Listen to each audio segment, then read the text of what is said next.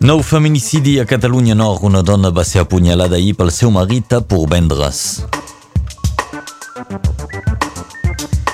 Catalunya Sud es recupera de les importants inundacions que va haver-hi durant la nit de diumenge a dilluns.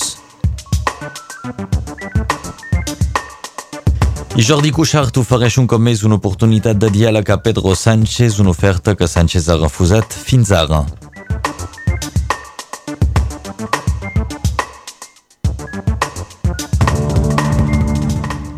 El risc d'incendis és elevat al nivell taronja. Avui a la plana del Rosselló, a les Alberes i a les Corberes, de fet, la, aquesta diada serà propícia als incendis amb les condicions meteorològiques que ens indiquen tramuntant amb eh, ràfegues que poden passar els 60 km per hora. La prefectura i el Servei de Prevenció d'Incendis demanen als ciutadans de ser responsables i recorden que està totalment prohibit fer foc en els espais naturals del departament. Una dona de 71 anys va ser assassinada ahir al vespre per vendres a mans del seu marit. La víctima va rebre diverses ganivetades a la vista de tothom al carrer Aragó de Porvendres. La dona va morir abans de l'arribada dels socors. El seu marit va ser ràpidament arrestat per la policia que va rebre el testimoni de diverses persones presents al carrer al moment dels fets. La policia vol aclarir ara les causes d'aquest assassinat.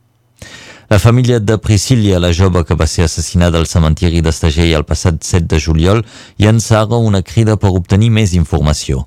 Per fer avançar la investigació, la mare de la víctima demana que les persones que hagin assistit al ball dels bombers a Estagell la nit dels fets tornin a mirar les fotos o els vídeos que van fer aquell dia. D'aquesta manera, la família espera descobrir nous elements que puguin ajudar els investigadors. Un accident es va produir a nivell del centre vila de Perpinyà entre un autobús de línia i una botura.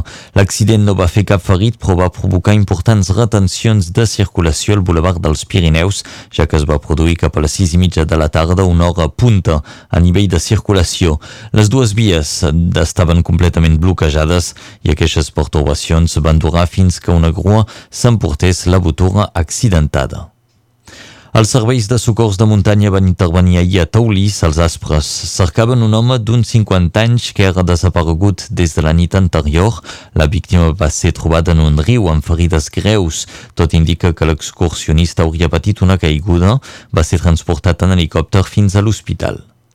A Catalunya Sud, diverses poblacions es recuperen dels forts temporals que va haver-hi durant la nit de diumenge a dilluns. El Garraf, el Baix Penedès i el Baix Llobregat han estat les comarques més tocades, sobretot per inundacions. A Vilanova i la Geltrú van caure 46 litres per metre quadrat, però també va caure una forta pedregada. Les ventades van fer caure també centenars d'arbres al municipi. A Cunit va ploure fins a 57 litres en només 30 minuts. A Sant Pere de Ribes hi han caigut uns 41 litres i a Sitges va ser la pedregada que va provocar més danys. Aquestes tempestes ja han baixat d'intensitat i no s'esperen més tempestes fortes. El vaixell de l'ONG Open Arms segueix navegant a l'espera de trobar un port on pugui desembarcar els 151 migrants que hi ha a bord. Ahir, vuit migrants van poder desembarcar a Malta per motius de salut, dues dones malaltes de tuberculosi i les seues famílies. Els migrants ja fa 11 dies que estan a alta mar en condicions molt precàries.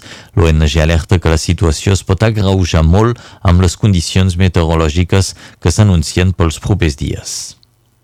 Jordi Cuixart va publicar ahir una carta en la qual torna a proposar diàleg a Pedro Sánchez. La setmana passada el govern espanyol va refusar qualsevol trobada amb Cuixart.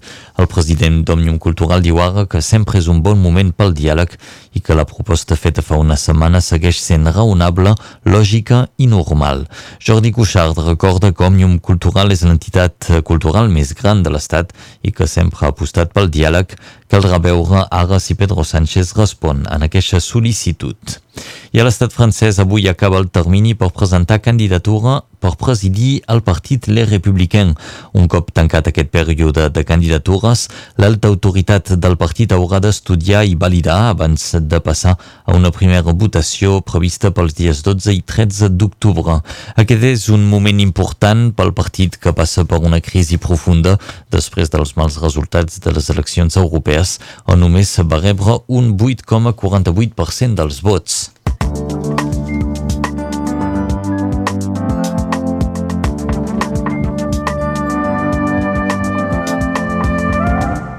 Continuem ara amb la informació del temps que nos presenta l'Enric Balaguer.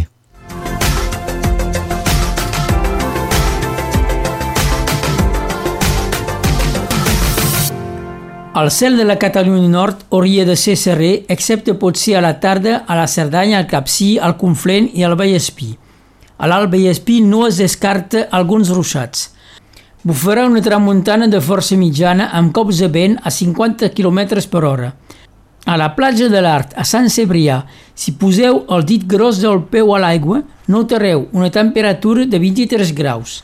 Les temperatures màximes d'avui. A Prada, on hi ha mercat, 24. A l'altra sotprefectura, Serret, 27, com a la Torre del Bisbe, i al mig dels camps d'àpids i de carxofes de Sant Hipòlit. A les vinyes de Rasigueres, 25, sota els presseguers dia 26, entre els pomers a Saora només 19, tan poc com a Volquera. És el Capcí on farà més fresqueta, amb 15 petits graus. El 13 d'agost 2003 feia 37 graus a la plana del Rosselló. El sol es pondrà a 20 hores i 53 minuts.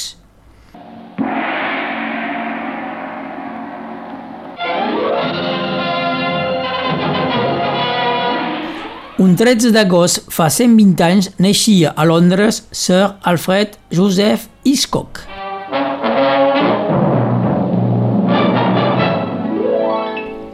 El 1926, a Cuba, llum Fidel Castro va governar el seu país durant 49 anys.